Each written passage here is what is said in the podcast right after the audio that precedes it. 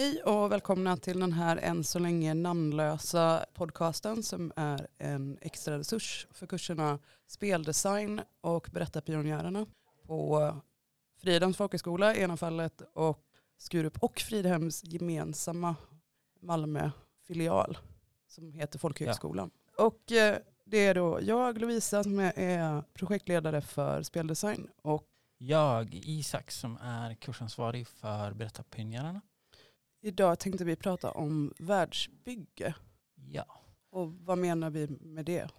Ja, när man gör en berättelse oavsett eh, vilket medium den utspelar sig i och egentligen oavsett vilken genre den är i så behöver man bestämma en del regler för världen. Och det är lite olika vad man menar med världsbygge beroende på i vilken genre man pratar om. Det man automatiskt tänker på är ju fantasy och sci-fi. Där man menar världsbygge, det vill säga hur fungerar magin? Eller i sci-fi, hur fungerar den eh, fiktiva teknologin? Och vilka folk finns? Precis. Men man kan också bryta ner det här. Om, om du tänker eh, frågor som hur fungerar magin mm. i en deckare? Ja, hur tänker jag då? Ja, alltså vi, vi har eh, två exempel som jag brukar använda när man pratar om just deckare.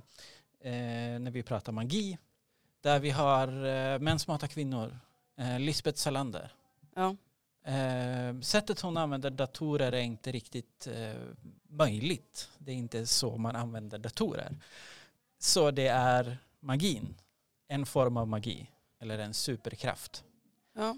Ehm, ett annat exempel är ju Sherlock Holmes som kan förstå ett helt händelseförlopp bara av att titta på en människa och kunna läsa allt den tänker i princip bara genom vad den har på sig. Vilket inte riktigt är hur människor funkar. Men det är en superkraft. Och man måste definiera hur kan man använda den här och hur gör man så att den inte är störande för berättelsen utan snarare att den höjer berättelsen. Precis, man kan också prata om världsbygge som helt enkelt skapandet av en kontext som gör upplevelsen, berättelsen, spelet och så vidare begripligt och tryggt att ge sig in i. Ja, det handlar om att följa sina löften på ett lagom sätt. Alltså, med, med på ett lagom sätt så menar jag att det är klart att det ska vara öppet för överraskningar, men de överraskningarna måste vara förväntade. Ja, precis. Ja, men det, någonstans, vi pratar ofta på speldesign om Magic Circle och det här med att skapa den här. Det, det, det är tillåtande utrymmet när man får utforska fritt från eh, vardagslivets vanliga förväntningar. Ja. Eh, och lite den delen här att inom den magiska cirkeln gäller detta. Och jag lovar dig att det kommer gälla något sånär. Ja. Eh, I den mån jag ändrar på den magiska cirkeln så är det inom reglerna. För det finns regler för hur den kan förändras som är kanske Precis. inte så ut, uttalade men Precis, och det är väl också en, en, jag trodde att det var det här som var den magiska cirkeln, men det var det här ja. som var den magiska cirkeln. En annan sak, för nu pratade vi lite om magi, mm. eh, som påverkar världen i vilket en berättelse utspelar sig. Jag säger berättelse och då menar jag alla mediers berättelser, eh, spel, romaner, filmer, whatever. Eh, det är perspektivet.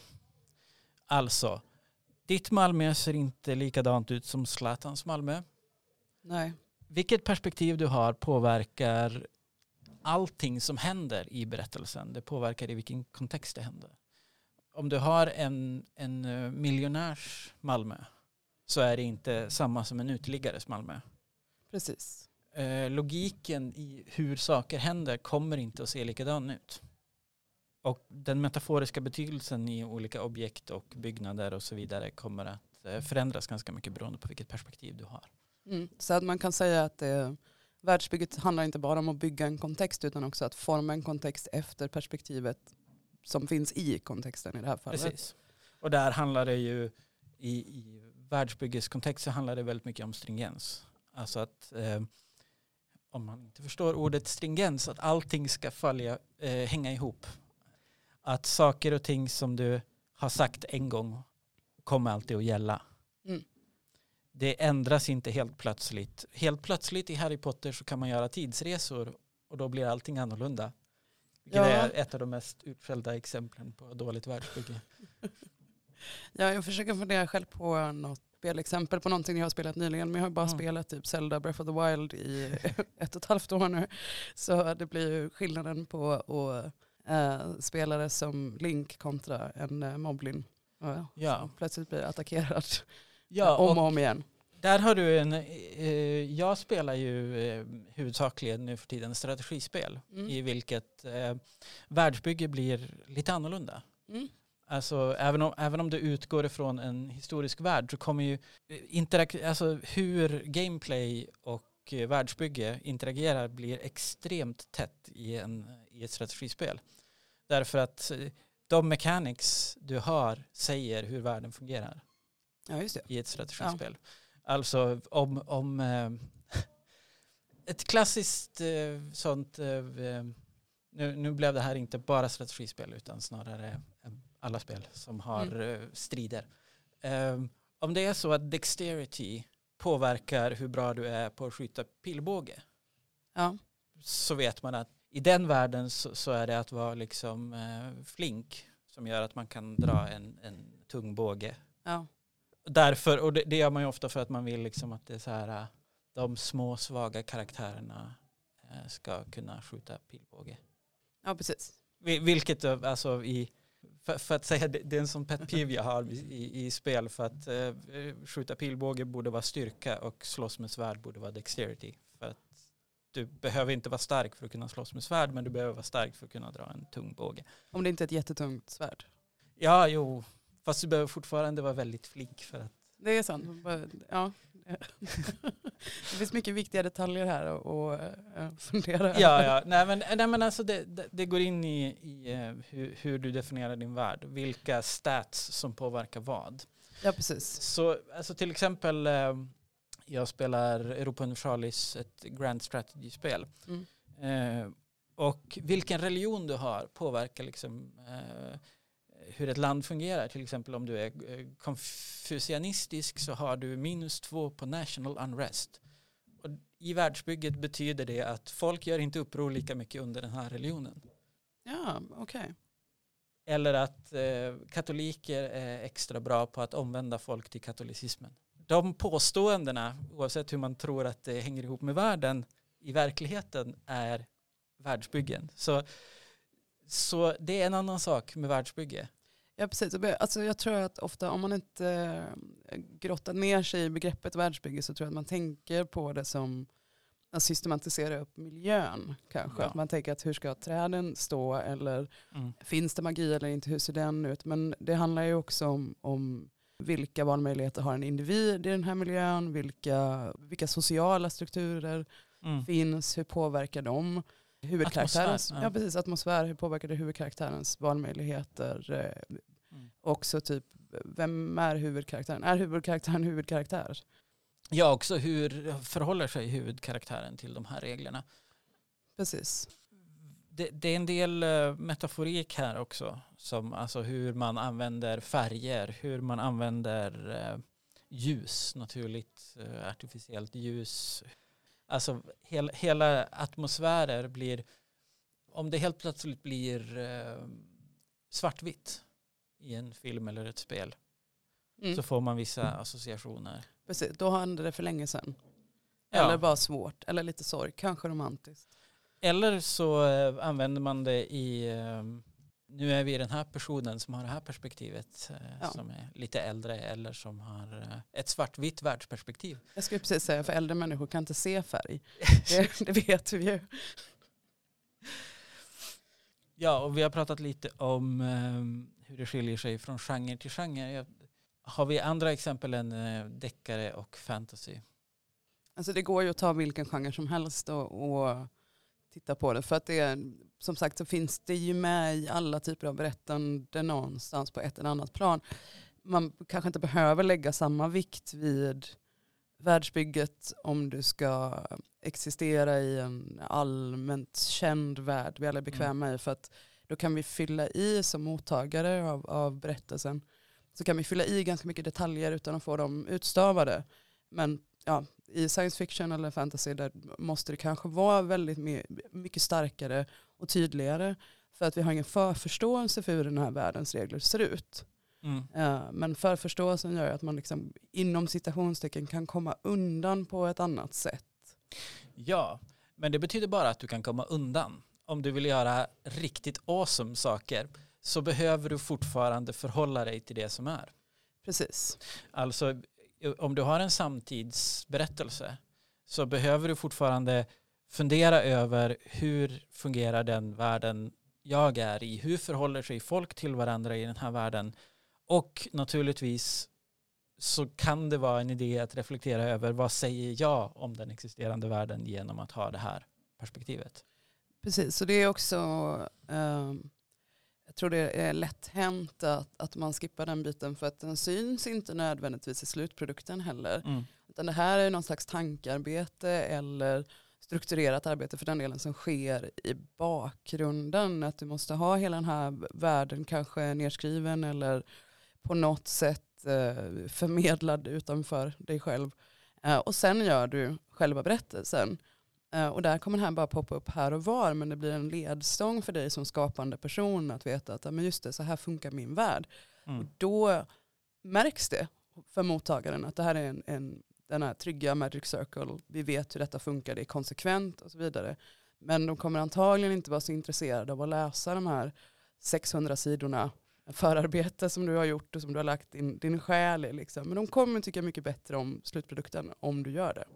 Faktum är att om de älskar slutprodukten så kanske de senare vill läsa eh, världsbyggeskompendiet som du har och ger ut. Precis, det, det finns alltid någon som vill läsa det eh, och som kommer hitta inkonsekventa delar i det och Ja. eh, eventuellt skriva argt i ett kommentarsfält. Ja, vilket ju är bra marknadsföring. Det är sant. Nej, men jag vill säga någonting om processen här. Mm. Eh, Man säger gärna, och, och så pratar vi gärna om det, att, att man först gör en värld och sen så bygger man eh, in en berättelse i den. Det är sällan så det funkar. Du har en idé om en värld där du har en massa regler. Eller alltså, i viss mån är du medveten om de reglerna. Du har förförståelse för den världen. Sen så skriver du. Och sen så kommer du att behöva göra världsbyggesarbetet under tiden. Mycket av det kan ske i efterhand. Ja, precis. Och gå tillbaka och korrigera och inse att den här delen stämmer faktiskt inte överens med de här reglerna längre. Mm. Ehm, och göra de här valen. Att ska jag anpassa mitt verk efter reglerna jag satt upp eller ska, kan jag böja reglerna? Borde jag en, vilken del ska jag peta i för att det här ska stämma? Hur man, blir det bäst konsekvent? om man skriver fantastik, eller gör fantastik, ehm, det vill säga fantasy eller sci-fi eller någonting med typ magi och sånt i, eller framtid, så har man alltid möjligheten och det är både och att man har den möjligheten. Jag kanske kan anpassa världsbygget här lite. Så Ja. att det här roliga händer som jag vill ska hända. In med lite tidsresor. Ja.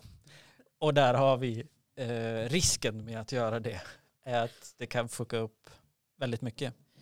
Ja precis, för att det är ju liksom alla, alla skeenden har någon slags konsekvens. Om skeendet bryter mot regler så kan du antingen tappa en mottagare för att de märker att vad fasen det här stämmer ju inte. Eller få, få själv för dig i åratal framöver. Eh, eh, eller så du måste liksom eh, följa upp det någonstans. Och, och det är ju också det här med att det, det finns, när man skapar världar som är eh, som har den här potentialen för att utvecklas i det oändliga till massa spännande saker så kanske man är full av de här idéerna om att om man ska kunna flyga, om man ska kunna skjuta laser i ögonen och man ska eh, vara rosa och, och en enhörning, det här låter som ett spel jag vill spela, eh, och, och så vidare och så vidare och så liksom bara öser man på med allting. Men till slut så blir det liksom bara en gegga av nya potentiella utvecklingar och då har du igen tappat mottagaren för att det är för mycket för att kunna sortera i det. Berättelsen kommer alltid att handla om karaktärerna. Så om aspekter av ditt världsbygge inte är viktigt för karaktären så kommer det inte att bli viktigt för läsaren, mottagaren, spelaren. Precis, och det är ju också alltså generellt, jag vet inte hur många böcker, spel, berättelser, olika medium som jag har börjat konsumera och sen känt, men varför var det här med? Eller liksom man tappar intresset för vad som egentligen händer med huvudkaraktären för det, finns ingen riktig styr på det eller man inser Mm. att men här, det är lite som eh, väldigt många böcker använder tillbakablickar för att få med världen, för att få med en förklaring till varför en karaktär gör si och så. Det finns massa cutscenes i väldigt många spel. Mm. Och ibland blir de bara en slags infodump. Mm. Ofta får vi ju cutscenes till exempel som någon slags eh, litet beröm för att vi har klarat ett moment i ett spel. Då Ja. får du en cutscene. Om den inte är värd någonting, då går jag bara ut och fikar under tiden. Alltså jag är ju gammal nog att komma ihåg när cutscenes var godis.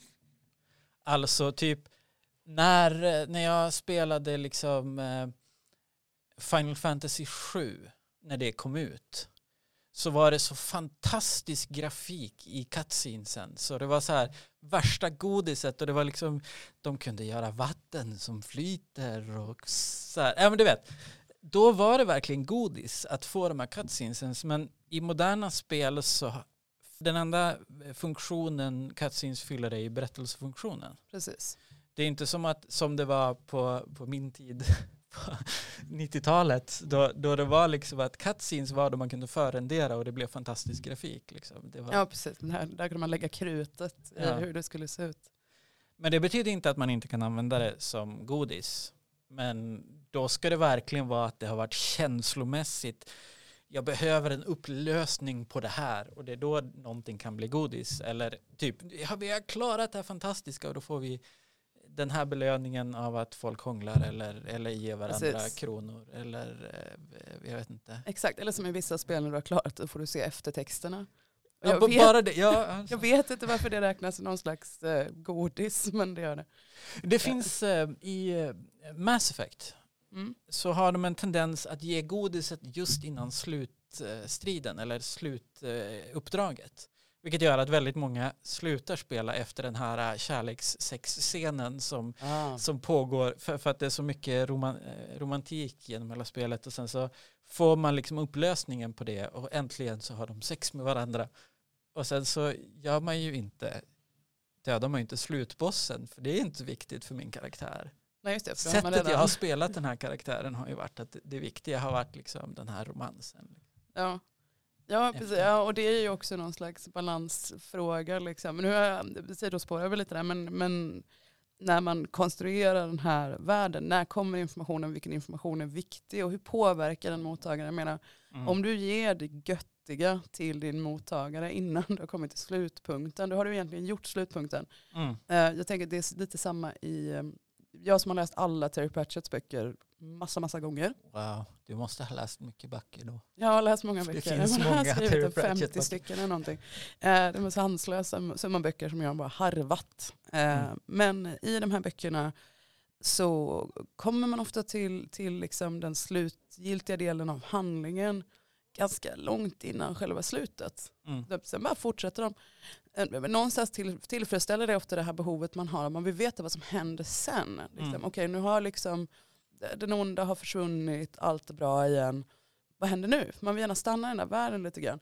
Mm. Men det, det funkar inte. Utan nu sitter man bara och fortsätter läsa och läser och läser. Så här, ska det inte, ska, jaha, ska de, nu går de till jobbet igen och nu är de ute och äter. Och, jaha, alltså det liksom, händer inget mer.